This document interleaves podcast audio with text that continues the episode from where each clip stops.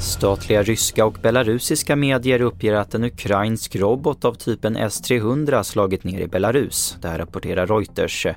Enligt den statliga belarusiska nyhetsbyrån Belta ska försvarsdepartementet nu undersöka om roboten sköts ner av landets luftvärn. Kosovo har öppnat sin viktigaste gränsövergång till Serbien sedan vägblockader har tagits bort. Ett tiotal blockader vid gränsen i norra Kosovo är fortfarande kvar men ska bort under dagen. Det här enligt Serbiens president Aleksandar Vucic.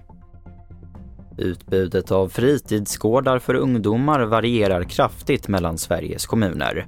Förra året lades i genomsnitt 228 kronor per capita på fritidsgårdsverksamhet, men hos 11 kommuner var summan 0 kronor.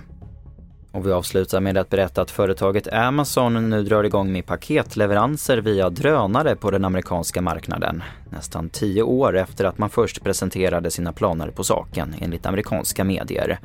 Tanken är att kunderna tack vare drönarna ska kunna få sina beställningar en timme efter att de har lagt orden.